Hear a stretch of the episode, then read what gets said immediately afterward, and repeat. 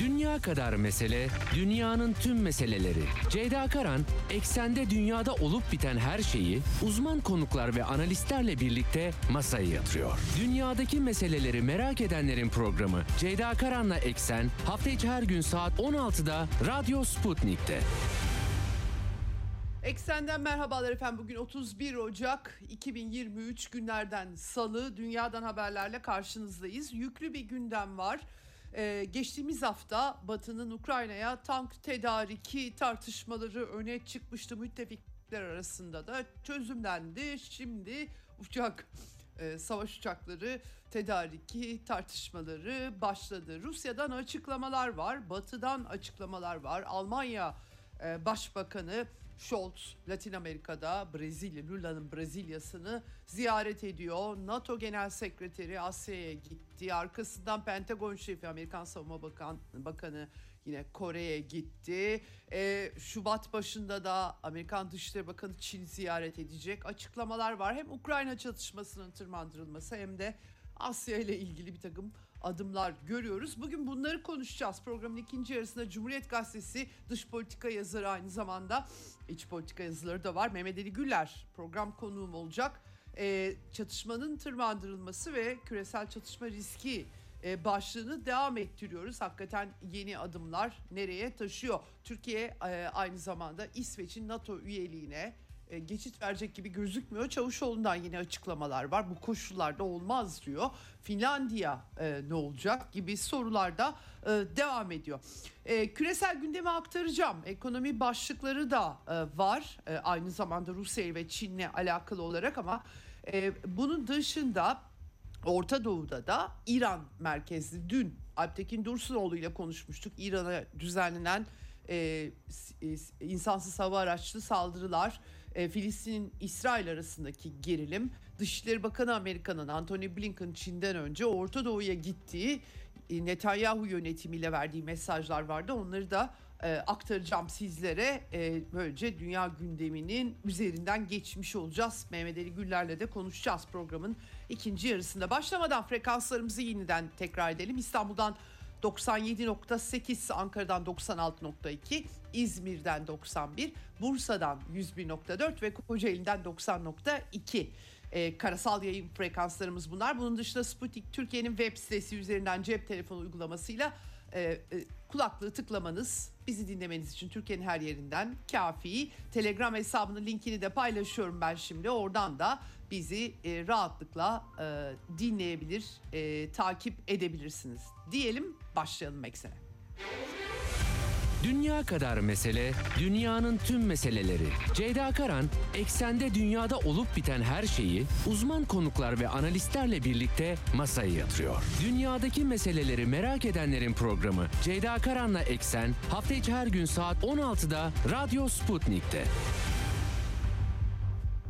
Evet dünyanın meselesi çok tabii en başta Ukrayna krizi e, Minsk anlaşmalarının BM onaylı olmasına rağmen her gün tekrarlıyorum ama gerçekten önemli uluslararası hukuktan bahsediliyorsa eğer anlaşmalara uymamanın sonuçları oluyor. Maalesef çok da hayırlı sonuçlar olmuyor. Şimdi cepheden e, Telegram kanallarından e, üzerinden geçtiğimde dikkatimi çekenler e, dengeler değişmiş gözükmüyor. Bahmut Artemovsk bölgesine özellikle Ukrayna ordusunun takviyeleri olduğu anlaşılıyordu. Neden bu kadar uzun sürdü tartışmaları var tabii Telegram hesaplarında. Ukrayna ordusunun 2014'te iç savaşın başlamasından bu yana en çok tahkim ettiği bölgeler oraları operasyonel çevreme yap, çevreleme yapmaya çalışıyor Rusya Federasyonu ve müttefik güçleri.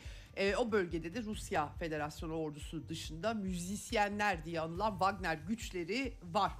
E, güney hatta Blagodatnoye köyünün kontrolü aldıkları bilgisi var. Aynı zamanda Ugledar bölgesinde de ağır çatışmaların olduğu mayınlar çok e, haberleri geliyor karşılıklı tarafların kayıpları olduğu da, e, belirtiliyor Telegram hesaplarında. Donetsk lideri Pushili'nin e, Bahmut, Ugledar, Marinka'yı yedek güçlerle güçlendirdiği bilgisini e, verdiğini e, aktarayım.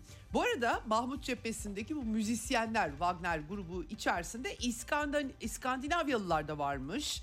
Norveç'ten Nid, Nidhegg diye anılıyorlarmış. İskandinav mitolojisinde büyük yılanlardan birisini sembolize ediyormuş. Çok dikkat çekici.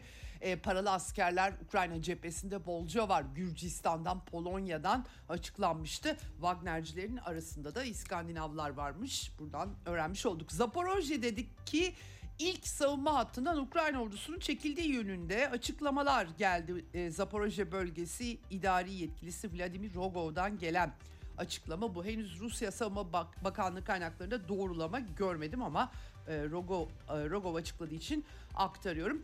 E, e, uluslararası savaş çalışmaları Batı bloğunun görüşünü, perspektifini yansıtan Rusya Federasyonu'nun büyük bir saldırıya hazırlandığı yolunda raporlama yapmış durumda. Bir de son olarak güneyde Ochakov, Ochakov önemli çünkü Britanya başta olmak üzere Amerikan yönetimi e, bu çatışmanın Rusya Federasyonu'nun iç savaşa müdahalesinden çok daha önce Karadeniz'i NATO gölü yapmak için Oçakov'da e, bir NATO limanı oluşturma planları olduğu anlaşılmıştı. İşte Oçakov'da Ukrayna donanma üssüne yönelik Rusya Federasyonu'nun 30-31 Ocak bağlayan gece yani dün gece e, bir saldırı düzenlediği 73. Donanma Özel Operasyonlar Merkezi'nde konuşlu birlikleri rıhtım altyapısını na zarar verdiği yolunda açıklamalar var. Burada özel sabotaj eğitimi Ukraynalılara İngilizlerin verdiği belirtiliyor. Özellikle Karadeniz ve Azak Denizi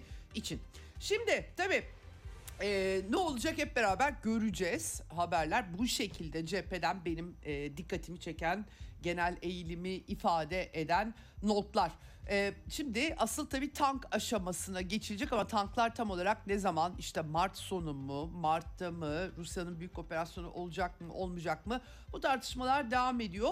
Rusya ve Belarus arasında ortak askeri eğitim merkezleri kurulması kararı çıktı. Hatta tatbikat da gerçekleştirdikleri bildiriliyor. Ee, Rusya liderliğinin genelde bu süre, sürelerde bir ulusal sesleniş konuşması yapılıyor. Bunun çok büyük bir ihtimalle Duma kaynaklarına göre 20-21 Şubat'ta yani 24 Şubat e, Rusya'nın müdahalesi ondan önce Ukrayna'nın ateşkes ihlalleri olmuştu. Kimilerine göre 16 Şubat'ta zaten Ukrayna Donbas'a saldırıya başlamıştı. Bu nereden baktığınıza bağlı göre e, bağlı olarak değişiyor. Velhasıl Putin'in özel harekatın yıl dönümü yaklaştığında bir ulusal sesleniş konuşması yap- yapması bekleniyor. Joe Biden'ın da ayın 7'si ya birazdan aktaracağım size Şubat başında ulusal sesleniş konuşması yapması bekleniyor bu arada. Tabii sonuçlar işte e, değerlendirilmesi gelecek öngörüleri olacak gibi gözüküyor. Sergey Lavrov'un gazetecilerle buluşmasında verdiği mesajlar var Rusya Dışişleri Bakanı'nın e, aslında Avrupa ile görüşmeleri kendilerini reddetmediğini dile getiriyor ama e, bir şekilde okyanus ötesinden müdahalelerin Avrupa'nın kendi özel dış politika pozisyonu almasını engellediği görüşü. Batı'nın diplomasi ve müzakere kültürünü kaybettiğini söylüyor Rusya'nın diplomasi şefi. Bu yüzden geçen sene Aralık ayında yani 2021'in sonunda hem NATO'ya hem Amerika Birleşik Devletleri'ne iki öneri güvenlik mimarisiyle ilgili yani NATO'nun genişlemesi biliyorsunuz Rusya'yı boğmaya çalışan bir genişleme olarak görülüyor Mos- Moskova'dan. E, buna karşılık yani üstümüze gelmeyin Ukrayna'yı da atlama tahtası haline getirmeyin e, ve oturup konuşalım diyen iki metin önemli metinlerdi ama Amerikalılar biz her yere gireriz çıkarız diyorlar. Dolayısıyla bu iki teklifi görmezden geldiler. Reddetmek bile değil açıkçası tam manasıyla görmezden geldiler. Arkasından da Rusya Federasyonu'nun özel harekatı geldi. Bugün e, ayrıca e, Dimitri Peskov'un Kremlin sözcüsünün de Baltık ülkeleri ve Polonya vurgulu açıklamaları var. Çünkü Litvanya'nın Cumhurbaşkanı e, Nauseda e, uzun menzilli füzeler birazdan aktaracağım aslında Batı Avrupa'daki durumu. Ee, kırmızı çizgiler falan tanımayalım. Uçakları da verelim. Uzun menzilli füzeleri de verelim. Rusya'yı da vursun Ukrayna güçleri gibi bir açıklama yapmıştı. Bu konuda Kremlin sözcüsü yani cepheleşmeyi kışkırtıyorlar. Sonuçlarını çok da değerlendirmiyorlar. Agresif bir tutum sergiliyorlar ama olası sonuçları hakkında çok az düşünüyorlar diye bir açıklama yapmış durumda. Tabii e, yani e, katılım düzeyi artıyor. Görüyoruz bunu kolektif batının diyor. Bir de Poroshenko birazdan aktaracağım size. Yine aslında BBC'nin bir belgeseline konuşmuş Ukrayna'nın 2014 Kiev darbesinden sonraki ilk devlet başkanı. Aslında bilmediğimiz şeyler de söylemiyor işin açıkçası ama e, bu söylemler Rusya'nın evet yani bizim söylediğimizi söylüyorlar işte tezlerini güçlendiren e, zemini oluşturuyor hakikaten. Dikkat çekici birazdan aktaracağım Poroshenko'yu ama Amerika'nın yeni büyükelçisi dün söylemiştim. E, Lynn Tracy göreve başladı. Rusça biliyor kendisi. En son Ermenistan'daymış. Dışişleri Bakanlığı'na gitti. Dışişleri Bakan Yardımcısı Sergey Ryabkov'la dün görüştüler. E, güven mektubunun e, teslim etmesi. Bu sırada da e, ben, benim dikkatimden kaçmış kendisi protesto edilmiş bakanlık önünde bir grup neden geldiniz savaş ABD'nin işçidir Tiger'lar Abrams'lar aynı şekilde yanacak. E, Leopardları kastediyor herhalde. ABD terörist ülke diye slogan atmışlar. Çok e, kolay değil tabii ki Amerika'nın yeni büyükelçisinin kadın büyükelçisi ilk defa Moskova'da işi çok kolay olmayacak ama Moskova'yı da tanıyan bir isim. Amerika'nın Moskova Büyükelçiliği de açıklama yapmış ve e, diyaloğun sürdürülmesine verilen önemi vurgulayan diplomatça bir açıklama. Amerika'nın profesyonel diplomatlarından birisi olduğu anlaşılıyor. Tabii Ryabkov Rusya tarafı Amerika'nın politikasının yapıcılıktan uzak bir görünüm arz ettiğini kendisine e, iletmiş. Biraz da iç işlerimize müdahalede bulunmayın. Malum Amerikalılar e, sivil toplum culuk e, yapmayı seviyorlar. Başka ülkeler kendi şablonları, hayat algıları, işte ekonomisi, sosyal e, hepimizin Amerikan toplumu gibi olması herkesin filan bunları seviyorlar, geliştirmeye çalışıyorlar. Evet şimdi e, bir de Türkiye Silah Kontrol Silah Kuvvetler Radyolojik Kimyasal Biyolojik Koruma Birliği şefi Igor Kirillov bu Amerika'nın Ukrayna'daki askeri biyolojik programları ile ilgili bir basın toplantısı yaptı. Bunların hayata geçirilmesini önlediklerini söyledi. Amerika doğruladı bunları. Yani neden Ukrayna'da böyle 30 kadar yerde bu kadar hani insanlığın hizmetine mi kendini adadı Pentagon ve taşeronları onu bilmiyorum ama gerçekten dikkat çekici bu programlar. Ee, burada bir takım isimler ortaya çıkmış yine. Akademisyenler araştırmalar yapan Kırım Kongo ateşi, hantavirüsler efendim kan örnekleri aldıkları ve bir takım işler yaptıkları. Yani Hollywood e, komplo e, teorisi film atıf yapmak istemiyorum ama gerçekten daha açıkça konuşulsa iyi olurdu. Çünkü anlayamıyorum doğrusu bunu e, çözmeyi. Neden? O Ukrayna'da e, Amerikan Başkanı Joe Biden'ın oğlu Hunter Biden'ın da bir şekilde parmağı olan böyle biyolojik laboratuvarlar ol çözmek zor. Efendim Hırvatistan Cumhurbaşkanı yine çarpıcı bir başka çıkışta bulundu. Ee, konuşuyor son dönemde ve dikkat çekici konuşuyor. Bu tank tartışmaları sırasında çok çarpıcı çıkışlar yapmıştı. Bu sefer yine konuşmuş. Diyor ki bu tanklar özellikle savaşı tırmandırmaktan başka bir işe yaramayacak. Kırım bir daha asla Ukrayna'nın parçası olmayacak. Kolektif batı olarak yaptığımız ahlaksız. Rusya'nın konvansiyonel bir savaşta yenilebileceğini düşünmek delilik. Ee, yani sadece savaşı uzatılıyor. Amaç nedir burada? Rusya'yı parçalamak mı? Rejim değişikliği mi? Bölmekten bahsediyorlar. Bu delilik demiş adam. Ee, başka bir ülkede savaş halinde olan bir nükleer güce karşı bir savaş mı? Konvansiyonel Evet, bir, e, arkadaşlarım evet bir e, bir sanıyorum bir son dakika girilecek. Hemen arkadaşlarıma atıyorum.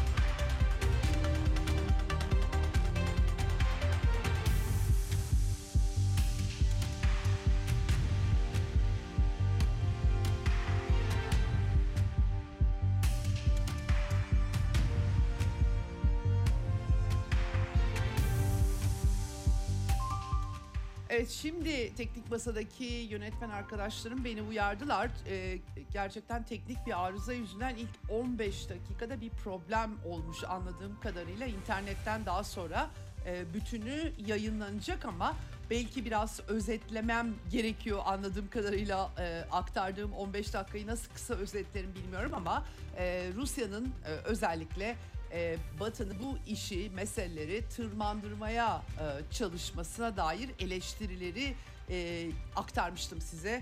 E, Rusya liderinin de Şubat sonlarına doğru e, ulusa sesleniş konuşmasını yapmasının e, beklendiğini aktarmıştım bu 15 dakikalık süre içerisinde. Evet Hırvatistan Cumhurbaşkanı'nın açıklamalarına geri dönelim.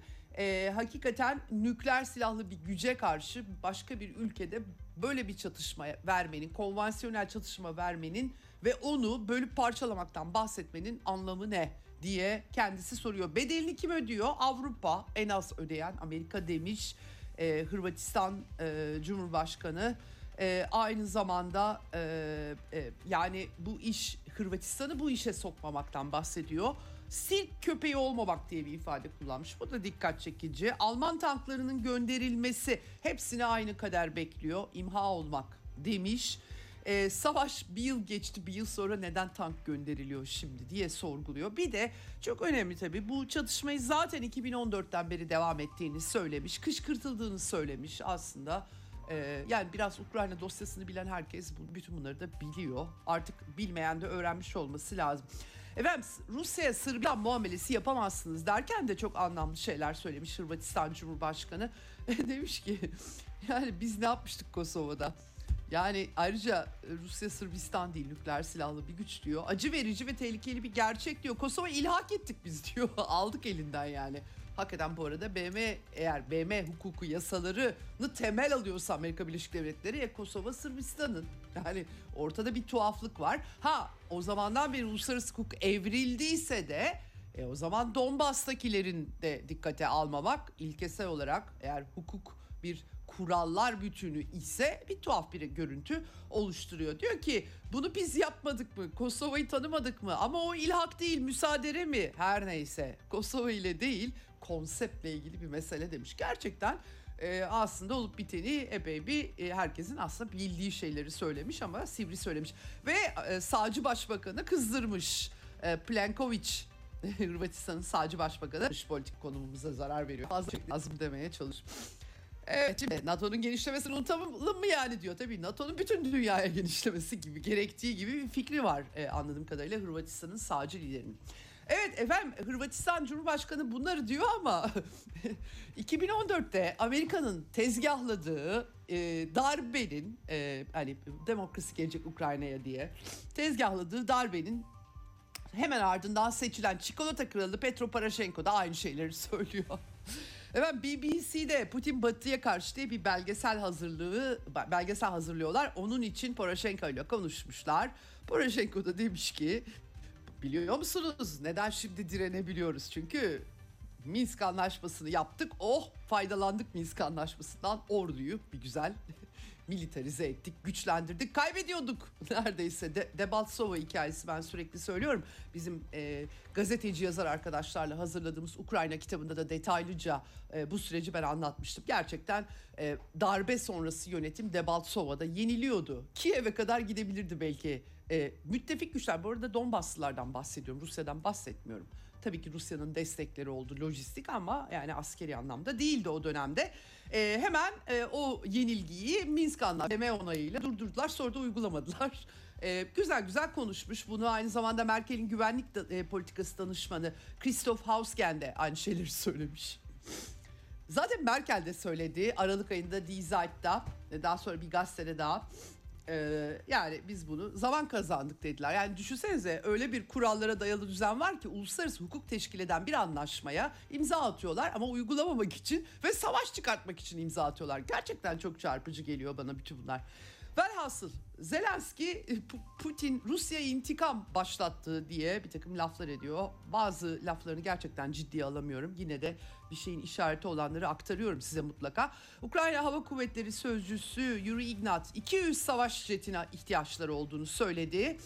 E, Mellik e, Stepan Bandera'nın Nazilerle işbirliği yapan bugün Ukrayna'nın ulusal kahramanı tabii kendisi. Onun mezarını sık sık ziyaret ediyordu. Berlin'de Alman hükümetine ve şansölyeye hakaretleriyle tanıdığımız Dışişleri Bakan Yardımcılığına terfi ettirilen Andriy Melnik 14 Leopard tankı verip işte ahlaki görevimizi yerine getirdik deyip rahatça uyuyabilecek mi bu Almanlar diyor. Yine konuşuyor. 10 ee, katını yollayabilir savunma sanayiniz demiş. Ayrıca en az bir 300-500 tank vermeniz lazım bize. Çok şahane vallahi.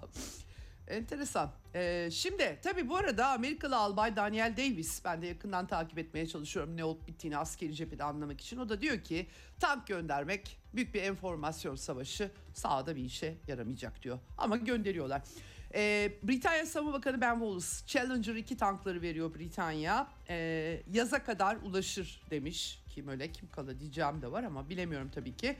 Ee, Amerika'nın Bradley piyade savaş araçları bu arada yola çıkmış Güney Carolina'dan Ukrayna tarafına verilecek. Dün Biden'ı sıkıştırdılar. E tamam işte geçen 11 Mart'ta e, tank vermek sorulduğu zaman tanklar verilirse e, yani onların bakımı için yani Ukraynalıların yapamayacağı bakımı Amerikalıların yapması gerekecek tabii. Biden da yani tank verirsek 3. Dünya Savaşı çıkar demişti. Şimdi veriyorlar. Bu sefer de doğal olarak herkes e, F-16 vermeyecek miyiz diye soruyor Joe Biden'a. Hayır demiş Amerikan başkanı. Şimdi güvenelim mi emin değilim çünkü tanklara da hayır demişti. Demek ki savaş uçaklarına da evet diyebilir. Eee Şimdi özel operasyon yıl dönümünde Ukrayna'ya gitmesi soruları var. Emin değilim demiş ona. Polonya'ya belki Avrupa'daki en sıkı müttefiki Almanya falan değil tabii ki Amerika'nın. Almanya'nın bir takım sanayicileri, savunma sektörü olabilir ama ya da yeşilleri. Polonya, Polonya ziyareti olabileceğini e, dile getirmiş efendim. E, şimdi e, neden tabii Amerikalılar sıkıştırıyorlar ya tankları verdik neden F-16 vermiyoruz diye. Beyaz Ulusal Güvenlik Konseyi Stratejik İletişim Direktörü John Kirby yani biz e, bekledikleri mücadele için kritik silahları zaten veriyoruz demiş. Yani bilmiyorum belki de uçak da istiyorlar yani o zaman niye uçak ver? Hakikaten enteresan. Şimdi tabii Alman medyası bu arada Scholz'u sıkıştırıyor. Tanklarda direndiniz direndiniz verdiniz. E, uçağı niye vermiyorsunuz diye. Güney Amerika ziyaretinde Lula ile bu arada görüştü. Kızmış e, Alman medyasının aktardığına göre kendilerine e, demiş ki silah gibi önemli konularda gerekenden ge- gere- gerçek gerçeklerden rasyonel tartmadan bahsetmeli bu kadar demiş Almanya'nın e, başbakanı ama savunma bakanı yeni savunma bakanı Pistorius Boris Pistorius bu hipotetik bir konu. Çok entelektüel yaklaşmış. E, Bundeswehr'in bir komuta ziyareti sırasında hipotez bu. E, zaten Scholz konuştu ben daha başka konuşmayayım demiş kendisi. Macron savaş uçağı verebiliriz tabii Ukrayna'ya diyor. E, hatta işte eğitecekler şimdi pilotları. Mümkün tabii Hollanda ziyaretinde Mark Rutte ile başbakanla görüşmüş. Hiçbir şey yani seçenek dışı değil demiş Emmanuel Macron. Pek çok şey söylüyor. E, Mark Rutte Hollanda adına F-16 vermeye hazır olduklarını ama Ukrayna talep etmedi gibi bir cümle kurmuş o da enteresan. Danimarka Sezarlardan e, verecekmiş. Başbakan açıkladı. Norveç Leopard 2 tankları en yakın zamanda vereceğiz. Sayısına karar vermedik henüz diyor. 300-500'ü bulmuyor yalnız toplasanız. İşte Almanya 88 adet e, Leopard tankı. E, 100'den biraz fazla gibi gözüküyor. Bilemiyorum tabii açıklanan doğruysa. Avusturya ve Macaristan e, savunma bakanları bir araya gelmişler. Yok biz bu işe girmeyiz. Biz öyle silah silah vermeyiz diyorlar. Bu arada İsrail bu çatışmada böyle bir görünüm olarak alttan alta ne olduğunu tam bilemiyoruz ama tarafsız İsrail'in liberal kamuoyu bildiğiniz Ukrayna'nın banderistlerini, Stefan Bandera'nın mirasın sonuna kadar sahiplenenleri destekliyor. Çok enteresan. Yahudi katliamları, soykırımı düşürüldüğü zaman İsrail Dışişleri Bakanı Eli Cohen, Netanyahu'nun yeni Dışişleri Bakanı Kiev'i ziyaret etmeyi planlıyormuş. Bunu birazdan aktaracağım. Anthony Blinken'ın ziyareti sırasında söylemiş haberler çıkmıştı İsrail medyasına doğrulamış. Ukrayna Dışişleri Bakanı Kuleba ile telefonda görüştüğünü ve önümüzdeki haftalarda ziyaretin gerçekleşeceğini iletmiş efendim. Tabii silah vermeyeceğiz, insani yardım vereceğiz diyor ama öyle mi gerçekten ben bilmiyorum doğrusunu söylemek gerekirse. Evet hal böyleyken NATO Genel Sekreteri bir, birkaç gündür Asya'daydı. Japonya ve Güney Kore'yi ziyaret etti.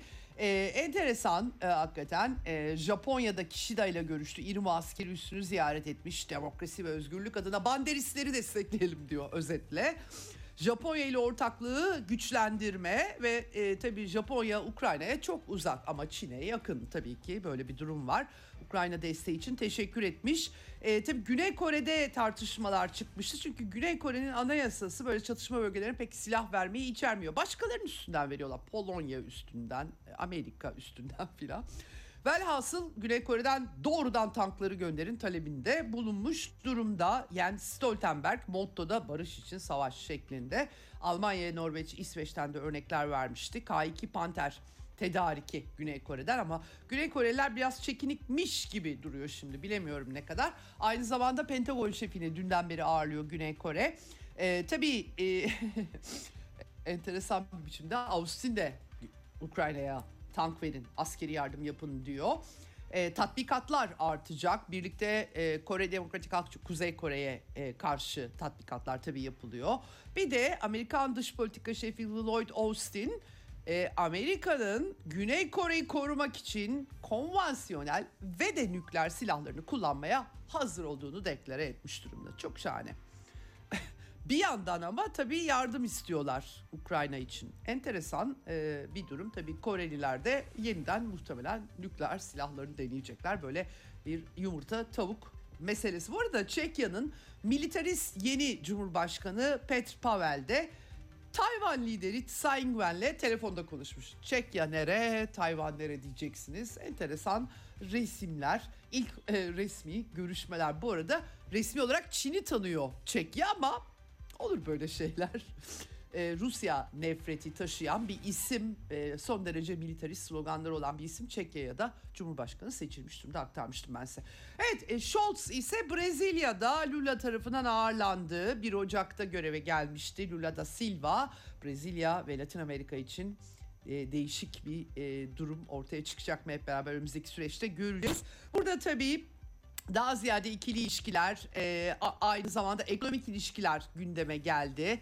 Öyle anlaşılıyor. Gelen sızan bilgilerden e, Mercosur e, ve Avrupa Birliği arasında hayata geçmeyen anlaşmalar ama aynı zamanda Lula Ukrayna konusunda silah vermeyi dışladı. Bizim çatışmalara verecek silahımız yok dedi açıkça Brezilya'nın solcu lideri. Bir de ara bulucu ülkeler grubu oluşturmayı önermiş Lula şansölyeye, Alman şansölyesi hatta bunu Macron'la gündeme getirdiğini söylemiş. Joe Biden'la da görüşünce söyleyeceğim demiş. E iyi de yani savaşı kışkırtan, başlatan Amerika arabulucu ülkelere izin verir mi? Verebilir belki de uzamasın diye. Göreceğiz. Lula'nın böyle bir inisiyatifi olduğunu e, anlıyoruz. Evet Arjantin'den ve Şili'den sonra gitmişti Brezilya'ya e, Olaf Scholz. Bu arada e, bu darbe 8 Ocak'ta Lula'ya darbe girişimi olmuştu. Arkasında görülen Amerika'ya giden Miami'ye, Florida, e, Florida'ya giden Bolsonaro e, neofaşist lider Amerika'dan 6 aylık turist vizesi daha istemiş. Amerika'da tabii ki Biden yönetimi değil ama Cumhuriyetçiler içerisinde sahiplenenler var. Belki Biden yönetiminde de vardır bilemiyorum. Demokratlar gönderelim bu adamı başımıza bela şimdi Lula'ya zaten adamı devirdik vaktiyle şimdi tekrar geldi diye konuşuyorlardır muhtemelen. Ee, göreceğiz Latin Amerika'daki süreçleri. Almanya'da 10 binden fazla e, Saksonya-Anhalt eyaletinde Harz bölgesinde elektrik olumsuz hava koşullarından ama bu enerji kriziyle alakası yok. Fakat Alman hükümeti şirketleri uyarmış. Sakın Rus LNG'si almayın demiş. İyi, güzel. Çünkü Rusya'ya yaptırım uyguluyorlar. Başka yerlerden Rus LNG'si alıyorlar. Enflasyon verileri teknik nedenlerle Almanya'da açıklanmayacakmış. %9.2 bekleniyor ama en son düşmüştü 8.6'ya kadar göreceğiz hep beraber. IMF 2023 küresel büyüme tahminini yükseltmiş 2.7'den 2.9'a. Çin'in etkisi var tabii burada. Çin'de 5.2 öngörülüyor bu yıl büyüme oranı. Kapanma etkisi geçecek mi? Rusya ekonomisi enteresan bu. %2.3 oranında küçüleceği öngörüsü vardı. %0.3 büyüme öngörüsü yapmış IMF. Demek ki yaptırımlar çok işe yaramıyor. Ee, IMF Türkiye için de e, %3'lük bir büyüme koymuş durumda. Evet e, biraz erken bağladınız galiba benim mi saatim yanlış arkadaşlar 33 gösteriyor 16.33 e, ama e, konuğumuzu bağladıysanız hemen e, şey yapalım alalım kendisini yayına. Mehmet Ali Güller hoş geldiniz yayınımıza. Hoş bulduk. Ben kenarda dinlemeye devam ederim. Keyifli. Öyle mi? Peki. Dinliyorum. Yok e, ben de saati gözden geçiriyorum hani gündemimi bitireyim diye onun için 35'te genelde e, konu arıyorlar ama olsun ben devam ederim bitirdikten sonra biz. Devam et. Güzel Öyle mi? haberler. Peki Ben tamam peki. Hatta son to- devam ederim. Tamam. Tamam hemen Tamam. iki dakikada toparlayıp dönüyorum Tamam. o zaman.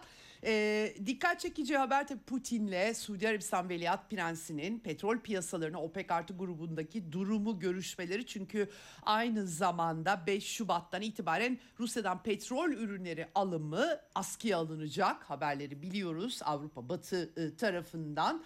E, Çin Dışişleri Bakanı da Suudi Dışişleri Bakanı ile görüşmüş. Ekonomik ilişki- ilişkileri, ticari ilişkileri canlandırmak ve serbest ticaret bölgesi Körfez İşbirliği Konseyi ile kurmak özellikle Pekin'in arzu ettiği bir şey anlaşılıyor, olduğu anlaşılıyor. Efendim bu arada Military Times Amerika'nın ulusal muhafızların tatbikatlarını haberleştirmiş. Arktik bölgesinde niye yapıyorlar tatbikat? Arktik bölgesinde Rusya ve Çin'le savaşmak için haberde öyle anlatılıyor. Ee, Kanada'yı ve Norveç'i yanlarına alarak gele, gelecekte yakın mı uzak mı bilmiyorum artık.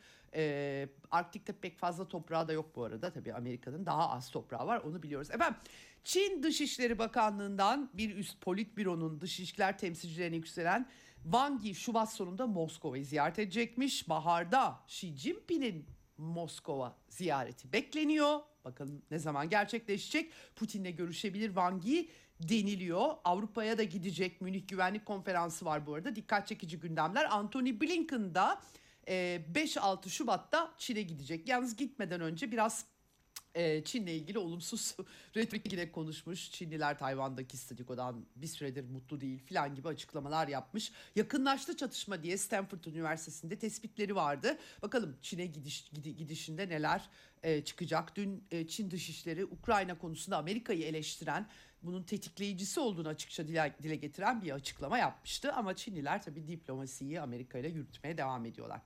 Evet ve son olarak Mehmet Ali Güller'e dönmeden önce Orta Doğu'yu sona bırakacağım artık. Dışişleri Bakanı Çavuşoğlu İsveç artık NATO üyeliği için evet dememiz mümkün değil dedi.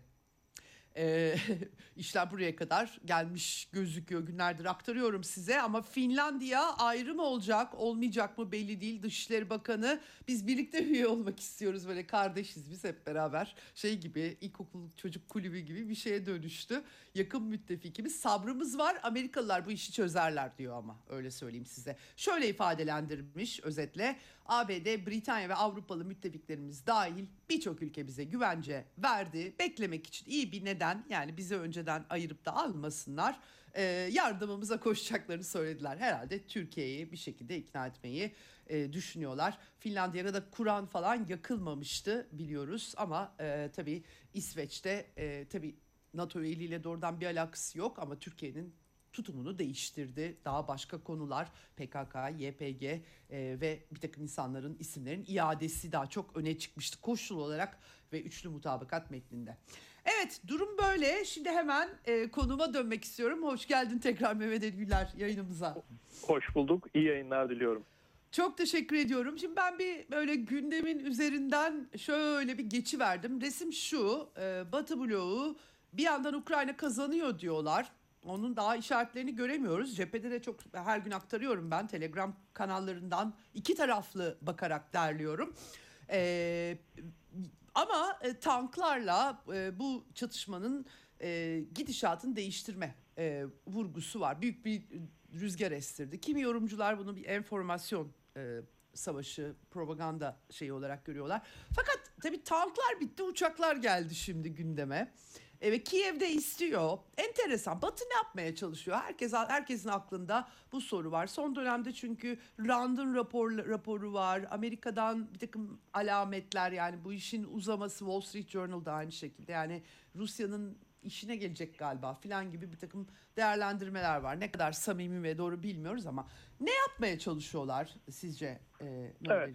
Burada tabii Batı'yı Amerika ve e, Almanya, Fransa diye belki ikiye ayırmakta fayda var. İkisinin bu meseledeki e, stratejisinin e, %100 örtüştüğünü söyleyemeyiz. Evet.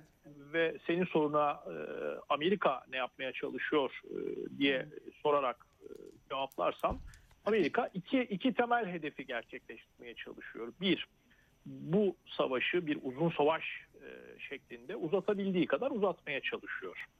İki, zaten Ukrayna krizi bağlamındaki en önemli hedefi olan Almanya ile Rusya bağını koparmak olduğu için bu meselede mümkün olduğu kadar Almanya'yı işin içine bulaştırmaya ve geri dönüşü yani Rusya'yla e, işleri düzeltmeyi e, sağlayacak bir dönüşü olmayan yola Almanya'yı sokmaya çalışıyor. Bu tank krizini ben doğrusu böyle okuyorum. Bu mesele çünkü sadece böyle bir e, doğrudan sahada e, tablo değiştirecek bir e, durum yaratmayacak. Bunu askeri uzmanların genel değerlendirmesi bu.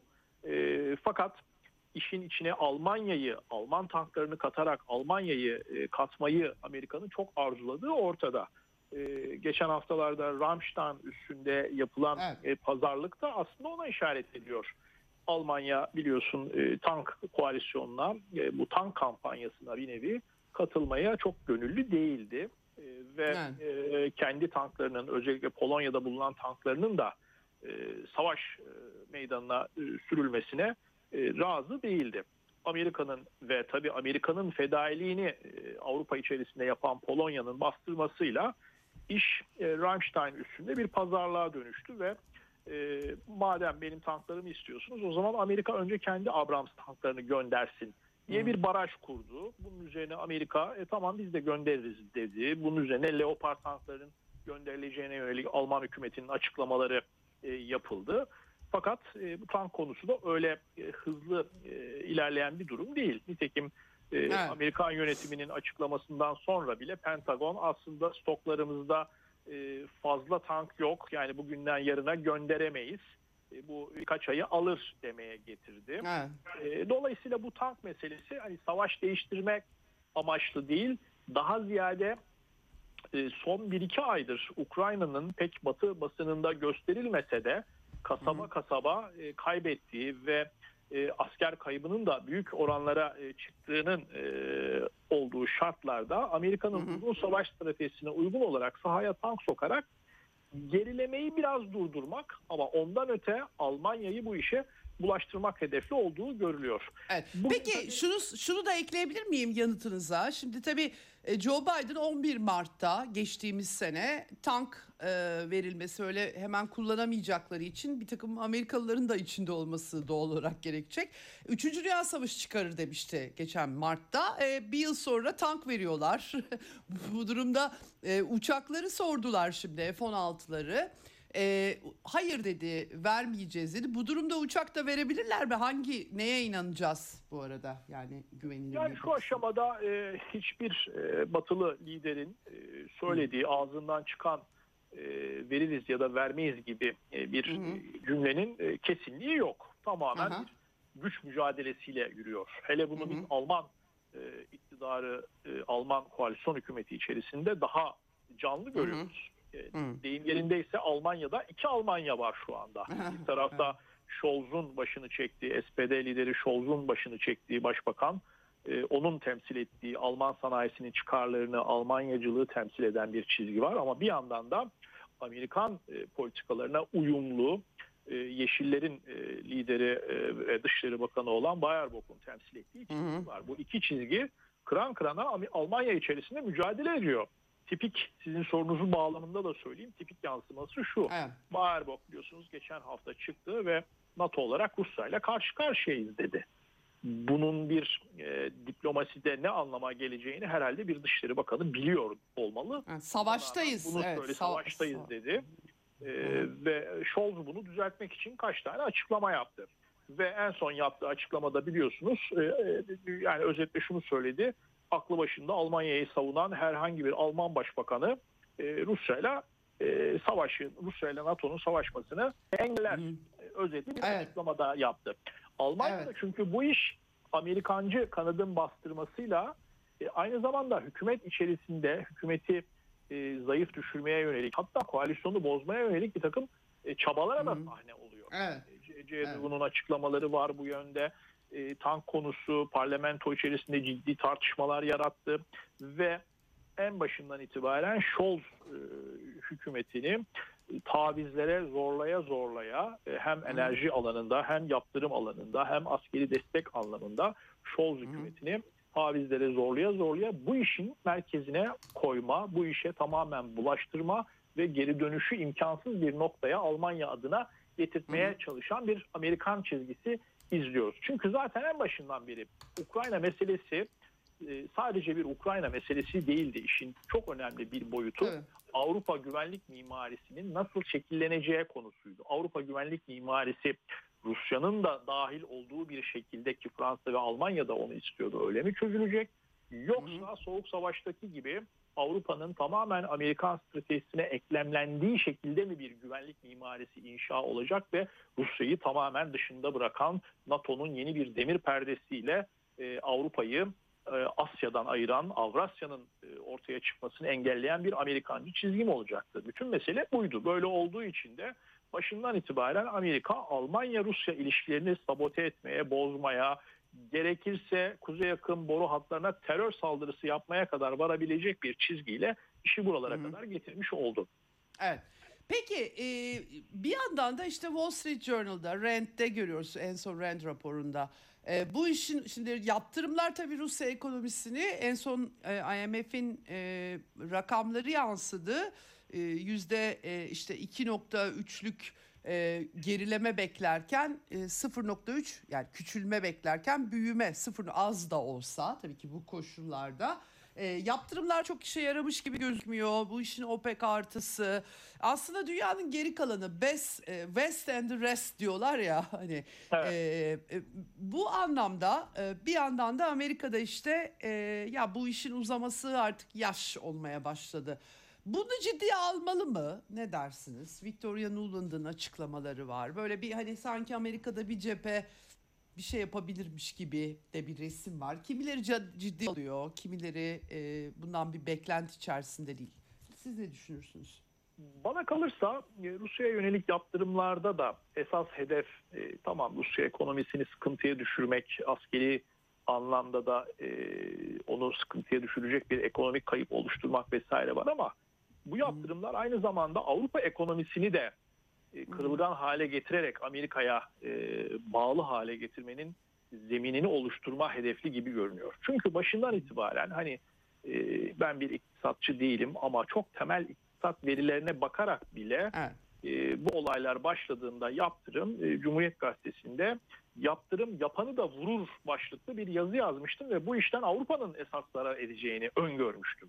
Bir iktisatçı değilim ben. Yani bunu ben öngörüyorsam Avrupa'nın e, koca koca e, devletlerinin bunları çoktan öngörüyor olması gerekirdi ki bir kısmının öngördüğünü sonraki açıklamalarından da biliyoruz. Ne oldu? Tamam Almanya ve e, Rusya bağı koparılmaya çalışıldı ama e, Rusya kendisinin için çok değerli büyük pazarlar olan Çin ve Hindistan e, pazarlarıyla e, enerjideki kayıplarının çok büyük olmasını engelledi. Diğer yandan e, tersine ne oldu? Alman ekonomisi başta, Fransa ekonomisi, devam eden diğer Avrupa ekonomilerinin 2022'yi çok sıkıntılı atlattıklarını, tarihi enflasyon sorunları yaşadıklarını e, vesaire görmüş olduk. Dolayısıyla geçen günlerde Macaristan e, Ekonomi Bakanı'nın da ifadesi aynen yazımla örtüşmüştü. O da e, yaptırım Hmm. e, Rusya'dan ziyade bizi vurdu, biz Avrupalıları vurdu, bu işin durması lazım denilen özetli bir açıklama yapmıştı. Dolayısıyla Hı hı. burada böyle yaptırımların Rusya'yı sıkıntıya sokacak bir durumu şu aşamada da görünmüyor. Çünkü Rusya'nın elini kuvvetlendiren bir çok kutupluluğa e, hı. doğru giden dünya var. Az önce Hı hı. senin ifade ettiğin e, Körfez e, ve Rusya işbirliğine işaret ettiğin durum bir kere çok çok önemli. Amerika'nın petrol ve e, doğalgaz politikalarını takip etmeyen Körfez ülkelerinin Rusya ile işbirliği yaptığı şartlar oluştu. Hindistan'ın. Amerika'nın müttefikliğine rağmen bunu fırsat bilip Rusya'dan biraz daha ucuz ama tonaj bakımından daha fazla petrol aldığı bir yıl geçirmiş oldu 2022. Hı hı, Güney Kore gibi Amerikan müttefiki olan ülkelerin yaptırımlara uymayıp petrol alımını sürdürdüğü bir yıl oldu. Birleşik Arap Emirlikleri ve Suudi Arabistan gibi iki büyük e, petrol ihracatçısı ve doğalgaz ihracatçısı ülkenin e, Amerika ile enerji politik alanda işbirliği yapmak yerine Rusya ile işbirliği yaptığı ve Amerikan senatosunda oradan askerlerimizi çekelim noktasına kadar gidebilecek bir Suudi Arabistan karşılığının olduğu bir 22 geçirdik. Ve 2022 aynı zamanda madem bu yaptırımlar böyle bir tablo oluşturuyor o zaman biz de Doğu dünyası ve Güney dünyası olarak kendi aramızdaki ticareti kendi paralarımızla yaparız durumu ortaya çıkarmış oldu. Hı hı. Bütün bunlar senin sorunda işaret ettiğin genel bir dünyayı düşünürsek aslında dünyanın büyük bir kısmının bu meselede Batı propagandasına rağmen Batı kampına e, dahil olmadığı tersine e, ya e, Rusya ile ilişkilerini devam ettirerek e, pozisyonunu e, sürdüren ya da en kötü ihtimalle tarafsız kalarak e, ilişkileri yürüten bir tablo ortaya çıkardı ki bu da hakikaten dünyanın e, büyük çoğunluğunun bu meselede Amerika'nın istediği e, noktaya gelmediğini göstermiş oldu. Evet ve son olarak e, bir de NATO e, Genel Sekreteri Asya'ya gitti. Güney Kore ve Japonya Asya derken tabii ki sadece bir kısmı. Hemen arkasından dün de Pentagon şefinin Güney Kore işte Ukrayna'ya silah istiyorlar oradan. Enteresan aynı zamanda hem konvansiyonel hem de nükleer olarak sizi koruyacağız gerekirse nükleer silahların kullanımıyla e, mesajı da e, vermiş gözüküyor. Yine e, tabii Stoltenberg'in Japonya ve Güney Kore ziyaretleri var. Böyle bir yandan da bir böyle Asya'ya kaymaca, böyle e, hakikaten e, pek çok değerlendirme oluyor tabii. E, açıkça da konuşanlar olduğu için hani Rusya'yı bölüp parçalamak, sonra Rusya'nın işini bitirip Çin'e gitmek falan diye think tankçiler, akademisyenler konuşuyorlar çünkü Batı'da bunları gizli saklı değil aslında. E, bu durumda kar, yani e, aynı anda iki çatışma hikayesine geliyor bu sürekli kaçınılmaya çalışılan. Ne yapmaya ç- çalışıyorlar böyle Asya turlarıyla? Ya ikna olmayan birileri var onları ikna etmek desem kendi yanlarında Japonya, Güney Kore ama oradan bir mesajlar mı veriliyor? Ee, nasıl görüyorsun resmi? Amerika açısından tabii esas rakip e, er geç hesaplaşma Hı. noktasında olacağı esas rakibi Çin ve Çin'e yönelik olarak Hmm. büyük stratejisini inşa ediyor. Kuşkusuz Çin'in Rusya ile özellikle son 10 yıldır e, çok derin işbirliği geliştirmiş olması Amerikan stratejisyenleri açısından bu kez ikisinin ortaklığına karşı bir strateji geliştirmeyi önlerine e, koymuş oldu.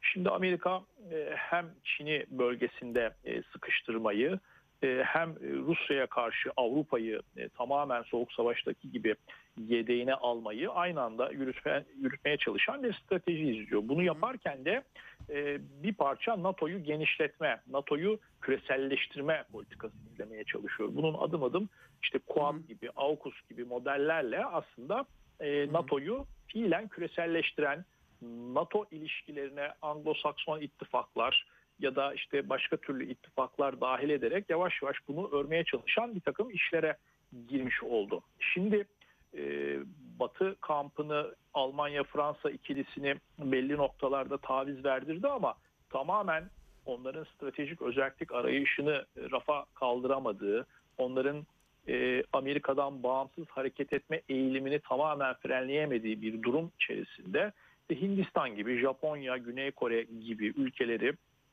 zaman zaman dünya saflaşması gibi gösterip buralarda da bu ülkeleri tamamen e, kendi yedeğine alarak Çin'i e, aynı anda e, sıkıştırmaya yönelik hamleler yaptığını görüyoruz. Ama bütün bunların tamamının Amerika adına e, bir e, olumlu e, gidecek, Amerika'nın istediği şekilde stratejisini gerçekleştireceği bir noktaya doğru gitmediğini de görmek lazım. Tersine Hı hı. durumlar hı. ortaya çıkıyor. E, bir, çok taraflılık eğilimi daha da artıyor. İki, Güney Amerika, Afrika gibi ülkeler Asya ülkeleriyle daha çok işbirliği yapma durumuna geçti. Üç, ticaret, ekonomi tamamen Asya'ya kayıyor. E, Dört, ulusal paralarla ticaret eğilimi güçleniyor.